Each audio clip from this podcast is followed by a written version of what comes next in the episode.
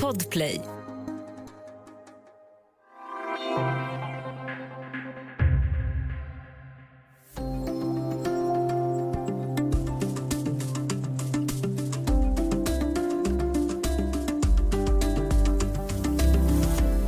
Från eftertraktad stjärnkirurg till åtalad för grov misshandel och anklagad för att ha utsatt sina patienter för tortyr.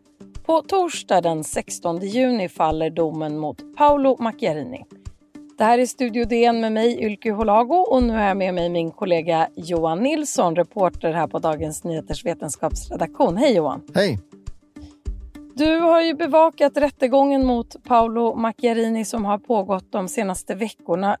Till att börja med, vem är han och vad handlar den här så kallade Macchiarini-affären om? Han är en italiensk kirurg som hoppades på att bli först i världen med att transplantera konstgjorda luftstrupar. Eh, I praktiken ett rör av plast som han... Eh, planen var att doppa de här plaströren i patienternas egna stamceller. Eh, år 2010 rekryterades han till Karolinska sjukhuset och institutet och där opererade han eh, följaktligen tre patienter och det är dessa tre patienter som åtalet handlar om. Ja, uppmärksamheten kring honom har ju delvis också handlat eh, om hans personlighet. Berätta bara kort, hur, hur är det han brukar beskrivas av de som har varit i hans närhet? Han beskrivs som eh, väldigt intensiv, charmig, järv, eh, välklädd, en man från den stora världen kan man säga då. Det är de beskrivningar som finns om honom. Mm. Och Han är också kirurgen bakom en av de största sjukvårds och forskningsskandalerna någonsin. Det har varit flera turer genom åren kring hans arbete, utredningar och åtal som tidigare har lagts ner. Men nu är det alltså rättegång. Vad är det han åtalas för nu? Han åtalas för grov misshandel Eh, och, detta eftersom att åklagarna hävdade att de här operationerna var olagliga. Och eh, Man har försökt åtala honom tidigare, men den utredningen lades ner i brist på bevis. Men nu har åklagarna gjort som ett omtag kan man säga och ställt honom inför rätta. Ja, han åtalas ju för grov misshandel och man har också pratat om att eh, det som, alltså operationerna har lett till eh, situationer för patienterna som kan liknas vid eh, tortyr. På vilket sätt då? Jo, de här operationerna innebar i praktiken att man klippte bort patienternas eh, luftstrupar och så satte man in rör av plast. Det är bara det att de här plaströren lossnade. Det blev infektioner, det blev inflammationer. Ehm, de här stäntarna man satte ner för att vidga plaströren, de växte fast och så vidare. Så att det här resulterade då i ständiga operationer, omoperationer, bronkoskopier, man var tvungen att suga rent från slem. Så sammantaget ett eh, nästan till ofattbart lidande för de här tre patienterna. Och alla tre patienterna som vi pratar om här eh, har också avlidit. Eh, ja. Delvis som, ja, som en följd av eh, operationerna. Ja, det har också varit eh, att eh, Macarina har sagt att de här eh, patienterna var, var eh, nästintill döende när de kom till honom. Eh, men att han, det här var livräddande, livräddande kirurgi i sista stund. Ungefär så har, har försvaret eh, hävdat. Medan åklagarna har ganska övertygad, övertygande bevisat att så inte var fallet, utan att de här patienterna antagligen hade flera år kvar att leva, trots att de, många av dem var svårt sjuka. Du har bevakat rättegången i Solna tingsrätt då de senaste veckorna. Eh, och Det handlar alltså om grov misshandel av de här tre patienterna. Hur har rättegången eh, varit? Vad är dina intryck? Jo, men det har varit ett stort eh, massmedialt intresse och eh, framförallt en nyfikenhet på vem den här Macchiarini är. Och förutom eh, media så har även hans för detta flickvän Benita Alexander funnits bland åhörarna det var den här um, kvinnan som eh, Macchiarini mer eller mindre grundlurade och som hon sen skrev om i mm, ökänd artikel i Vanity Fair. Ja, vi ska prata mer om det alldeles strax. åtalet gäller ju då alltså grov misshandel av de här tre patienterna som hette Andemariam Teklesenebet, Beyene, Christopher Lyles och Yeshim Chetir som alla har avlidit. Hur hamnade de hos Macchiarini?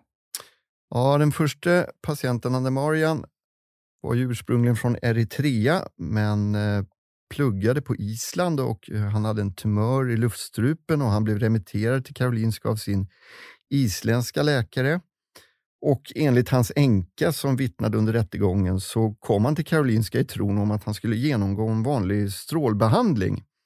Men väl på plats så dyker Macchiarini upp och eh, mer eller mindre övertalar honom om att transplantera hela luftstrupen.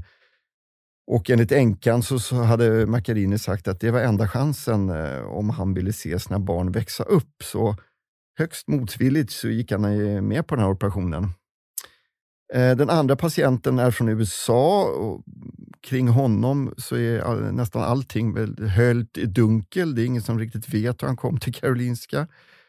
Medan den tredje patienten, Yesim Setyr, då kom från eh, Turkiet efter en misslyckad eh, behandling mot svett i hennes hemland. Och Den här behandlingen fick då hennes luftstrupe eh, att bli förstörd. Och Då kom hon till Karolinska efter det. Och vad jag har eh, kunnat läsa mig till så Christopher Lyles eh, vänner och bekanta gjorde en insamling för att han skulle kunna eh, Eh, bekosta den här operationen. Och I Chetirs fall så var det turkiska staten som har då betalat eh, miljontals dollar för att hon ska få den här behandlingen på Karolinska.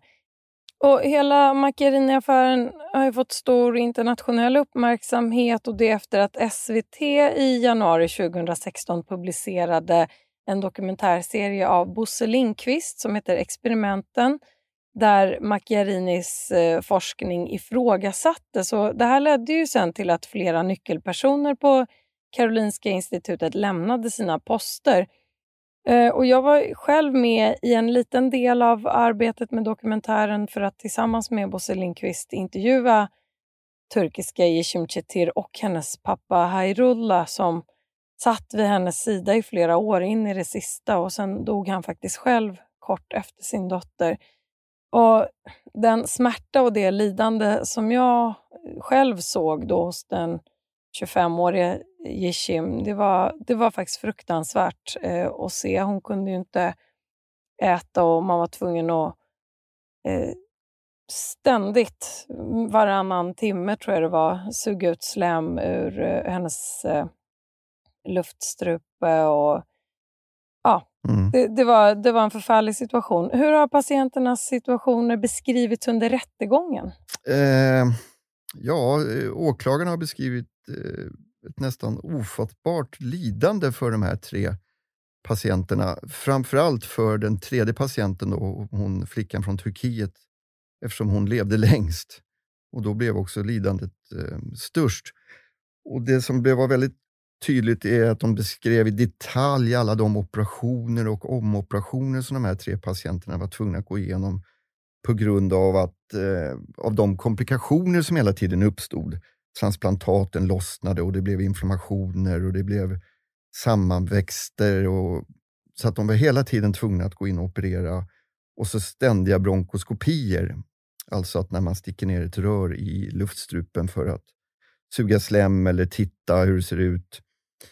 Och eh, jag tror, eh, när, i samband med att eh, Yesem Setir ett par år senare fördes över till USA då hade hon genomgått fler än 150 operationer och fler än 2000 bronkoskopier, vilket nästan är ofattbart många.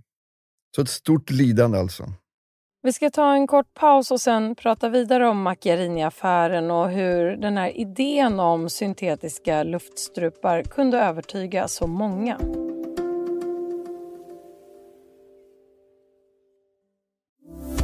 Du lyssnar på Studio DN, idag om rättegången mot kirurgen Paolo Macchiarini. Johan Nilsson, reporter på Dagens Nyheters vetenskapsredaktion. I en av dina artiklar om Macchiarini-affären så skriver du så här, citat, Går det att förvandla ett vanligt plaströr till en fungerande luftstrupe med allt vad det innebär av slemhinnor, ligament och kommunicerande blodkärl? Nej, självfallet inte. Det säger ju sig självt. Eller? Slutcitat. Så Johan, eh, hur kom det sig att så många forskare och läkare trodde på den här idén som Macchiarini hade? Ja, och det är, det, det är det som är den stora gåtan, den stora frågan i den här affären. Hur så pass välutbildade människor kunde få för sig att ett plaströr skulle på något sätt kunna omvandlas till en fungerande luftstrupe. Visserligen med hjälp av stamceller, men, men ändå. Eh, därför att ganska enkelt, bara genom att läsa lite på nätet, så kan man förstå att luftstrupen är ett ganska komplext organ. Vilket man tycker att kirurgerna på Karolinska borde ha vetat om. Så det, är, det är det här som är den stora gåtan som vi, frågan är om vi någonsin kommer få svar på den. Och Det här med stamcellerna, om jag har förstått det rätt så handlade det om att man då doppade ner plaströret som skulle ersätta en riktig luftstrupe i ett slags bad med stamceller och att det på något sätt skulle sugas upp i ja. plasten, eller? Ja, man tog, man tog benmärgsstamceller från patienterna själva och så gjorde man som en eh, näringslösning där de här cellerna fick, fick leva och så doppade man eh, plaströret i det och då var förhoppningen att stamcellerna skulle fästa på det här plaströret då, som var format som en luftstrupe. Och där väl på plats så skulle de här eh, stamcellerna utvecklas till eh, ja, blodkärl och glatt, eh, den här glatta muskulaturen som finns runt luftstrupen. Eh, och alla de här olika cellerna och eh, delarna som behövs för en fungerande luftstrupe. Och det är det här som är det stora mysteriet då, då hur så pass välutbildade människor kunde tro detta. Och Som Macchiarini har själv har sagt under rättegången som du följer så var ju det här ett eh, teamwork, ett lagarbete där många var med på noterna åtminstone till, ja, under en ganska lång tid till en början. Ja. Var, var det ingen... När varför blev det inget ifrågasättande av de här idéerna som uppenbarligen då inte riktigt eh, fungerar ur ett vetenskapligt perspektiv? Ja, bra fråga. Um, man, man, man ville nog tro på, tro på det här, att det verkligen skulle fungera. Och Det fanns också vid den här tiden en stark tro på stamceller överlag i forskningen, att stamceller kan utvecklas. Det är, en, det är alltså en typ av omogna celler som varav många har förmåga att utvecklas till, till eh, organ och blodkärl och så vidare. Men därmed inte sagt att de gör det bara för att de hamnar på en, på en plastbit. Uh, och Det dröjde ju flera år innan, innan uh, hans medarbetare började reagera och till en början så anmälde de honom för forskningsfusk. Inte för att ha uh, genomfört de här operationerna i första hand, utan det är för forskningsfusket som, som han blev anmäld till en början. Och vad handlade de fuskanklagelserna om? Det handlade om att han hade manipulerat i det här manuskriptet i den här tidskriften Lancet där eh, den första artikeln blev publicerad. Och som har en mängd med författare med väldigt välrenommerade forskare från Karolinska institutet. Men du har också intervjuat eh, den första som kritiserade det här eh, projektet, en belgisk professor ja. som är expert just på det här området. Vad, hur, vad berättade han för dig om sin kritik? Ja, Pierre Delaire heter han, är professor i luftvägskirurgi i Belgien.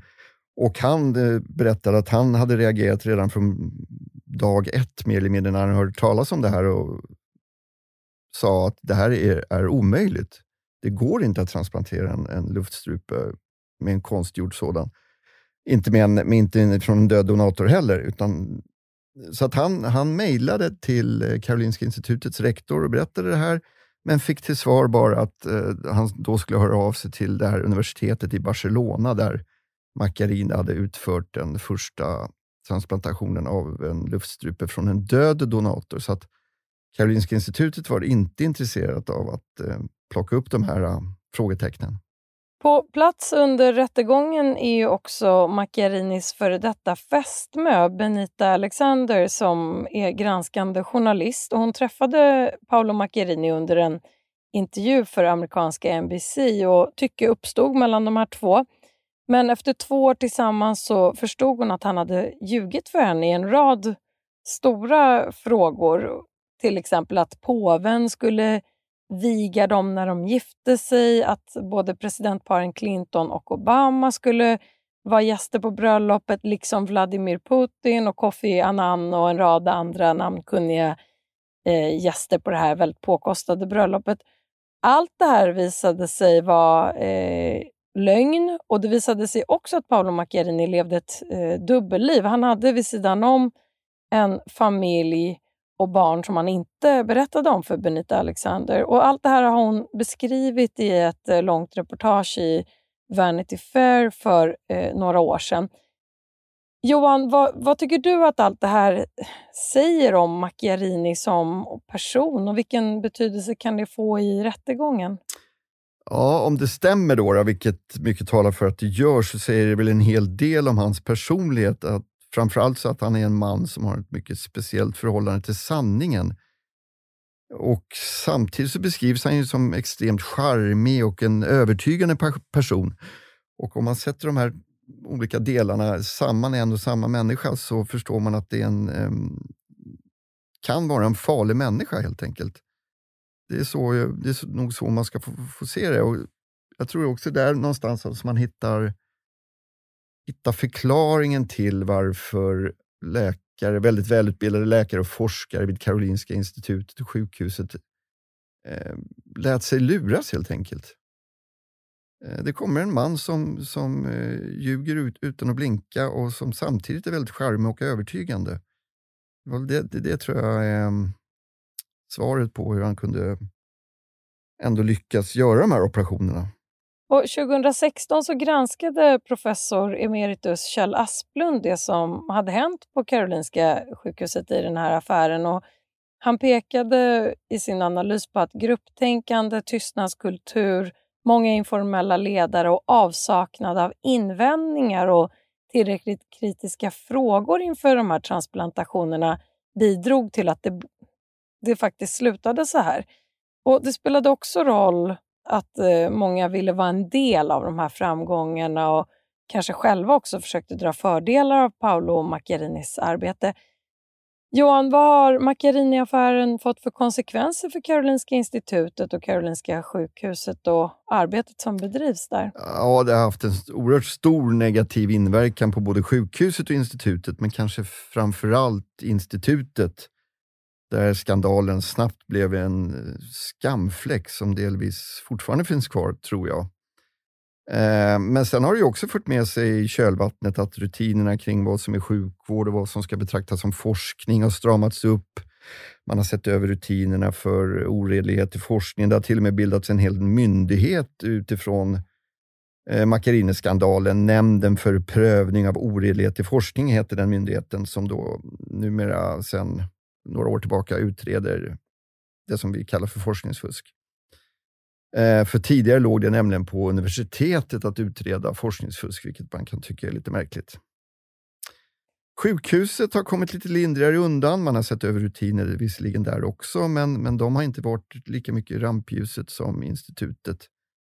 Och eh, Sjukhusets chefläkare på den här tiden, Johan Bratt, han är ju numera chefläkare för hela Region Stockholm. Så att eh, hans karriär gick i omvänd riktning kan man säga.